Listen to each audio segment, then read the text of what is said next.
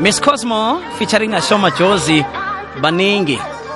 Kusele nje imzuzu ebunane ngaphambi kwesimbi kungeyobunane mhasho ikwekwezi FM kukhanya ba nokho-ke sifuna ukuzama-ke ukuthi simthole umxolisi libambo.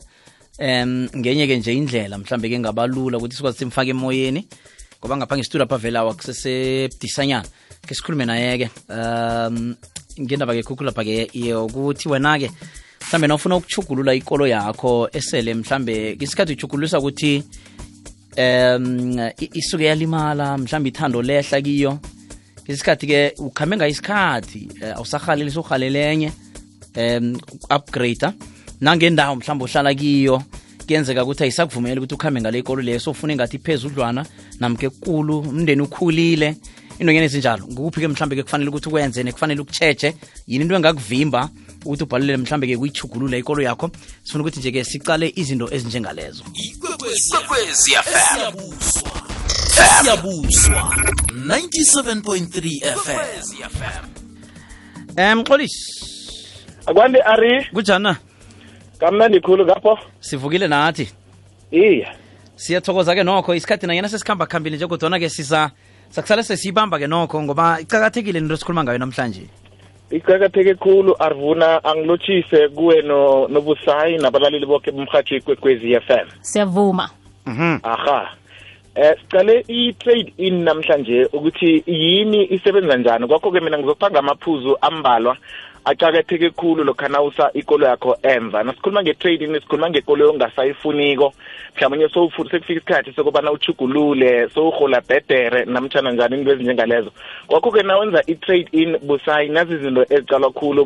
Bafuna ukuthi mudelete ikolo yakho kuma-premises walapho ufuna ukuyi-trader in khona ku-dealership bazokhona ukuthi bayi-evaluate ukuyi-evaluate kubalwa hlangana bacala nazi izinto ezilandelako. Bacala i-accident history kobana ikolo yakho ikhe yabandakanyeka engozini yekoloyi bacala ukuthi ine-full service history uyisevise ngokupheleleko ne-dealership owayithenga kiyo eh kuqalwa ama-kilometers ubona ama-kilometer wekolelo sele angangani njengaleso sikhathi osoyibisela ngaso emva kuqalwa ne-year model ukuthi ngiya- ngiyamuphi unyaka eh kwakho-ke zonke lezi zinto ziyametha na lokhanakhe uyibisela emva ikolo yakho. Kuqalwa godi okhunye ah, umzimba lo ukuthi ukho awupendapenda na ufanekhe kuyakhulakhula kuqalwa ama-windscreen kobana lirehe alinama-stone chip kuqalwa namatayere ukuthi ama-thread akhona asesesesigeni esihle na. Nenge ikoloyi ungakayithengi nge-cash baqala i-settlement amount ukubana sele imali eseleko ingangani eh lokha-ke ngaphambi kobana bangakhona ukuthi bakunikezele ithoro ekufanele uyithole malungana nale koloyi ibisela emva.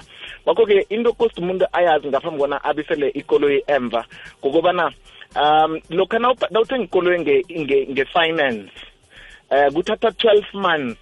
Ngaphambi kobana ungakhonakazi ukuthi ubisele ikoloyi emva le 12 months ngilapha-ke ubhadala khona ebhanka ama-interest wale koloyi angezelelweko ngebangelo lokubana eh, uyifinensile kuthi-ke eminyakeni esibili kulapha-ke ukhona ukungena khona kuhle kwi-monthly installment sekoloyi.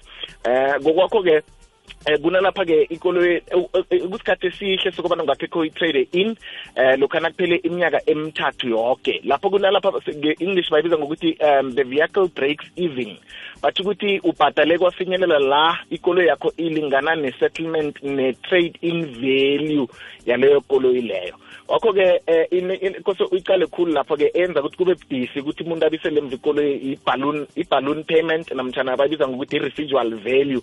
Ngombana kuba ne-shortfall amount kuyakhonakala ukuthi ubisele ikoloyi emva eh ungasa ungasathengi enye. Lokho bayibiza ngokuthi yi-buy out bayithenga kuwe. Sithi mhlawumbe umuntu akasakhona ukuyibhadela ikoloyi le bayitreata as i-buy out bayithenga kuwe bakunikela ithoro usethela le mali e- eseleko lapha-ke ebhanka um kanti-ke eh into okoside uyazi-ke ngalokho-ke nakuthenga ikoloyi nenge umuntu ocala ukuthi uyi-trade in ngemva kweminyaka emithathu fana ngemva kweminyakana ethize eh yenza isiqiniseko sokuthi uthenga ikoloyi ene-good resale value kolozokuthi zokuthi na uyibisela emva uyigcine isesigeni esihle kile zinto engizibale ngehla.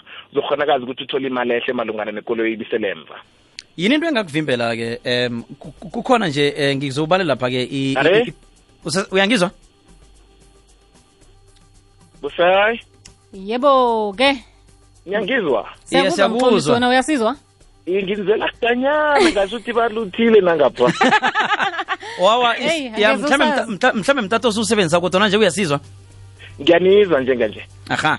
Yini yini into engakhandela umuntu ke eh, ngaphandle mhlambe kwe kwe kwe kwe, kwe balloon payment le. Ukuthi ke mhlambe akhone ukubisela ikoloyi athole enye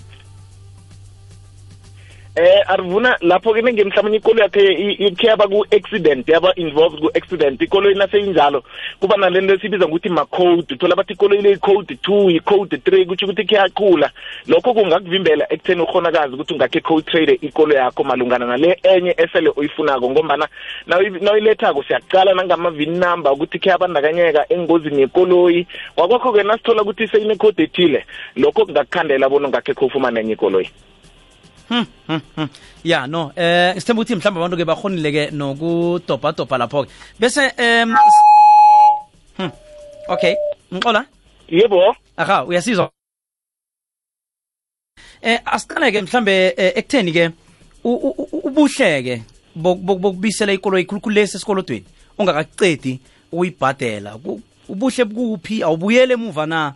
Nasele mhlawumbe uyibhadela bhadela iminyaka emithathu bese uyibisele uyokuthatha enye ikoloyi esikhathini esiningi mina arina ngabe mhlawumbe sowubhadala ikoloyi for four years and boyifinance for 60 months that is uh, five years Mm. angekhe ngakuyelelisa bona utrade leyo koloyi eh, eh, in ngombana sele uyiceda and lokho na utrade in ikoloyi sekufana nokuthi yokuthomela phasi sekubhedere bona uyicede ukuyibhadela ngemva kwalokho-ke uh, uthenge enye njengobana izimo zomnotho zinga- zingasizihle nje Mm. then uyazi ikoloyi le uyicedile ukuyibhadela ungahe- u- une-asset ongayibisela emva lokho nenge mhlawumbe i-covid iragela phambili no- nokurhagala ngendlela eyenza ngakhona. Mina-ke umbuzo wami mxolisi kukuthi ngisayokucalwa thome phasi kucalwe godu ingikolodo namkhana awa bayangithemba ngoba bangibonile ukuthi ngisebenze njani ekubhadaleni. Yazi bayenzani lokho na uyibisela ikoloyi emva mhlawumbe uyibisela kwi-dealership ethile eh nangabe kusele 150000 and then i-value yekolo yakho is 170 for an example. Bathi okay sikupha 150000 i-dealership ibhadela le 150000 basehlila lekoloyi then yokuthoma phasi ngobutsha yokuthoma ka-a. Unless nangabe ikolo yakhona uyithenge cash and then le value na 150000 nabakunikela banikela wena njengomnikazi wekoloyi khonakazi ukuthi ungakhe uthenge enye elandelako usebenzele 150000 as i-deposit. Wow okay. Ya- oh no iyazwakala. Mhlambe ke sesivala ngesikhathi ngenxa yesikhathi ke bakuthola phi bangithola ku-083 083 978 978 551 ku-email ngitholakala kumcola 777 at gmail dot com. Sithokoze khulu kwamambala. Kuthokoza mina ari yakubeyela ngelimnani ngapho ngestudio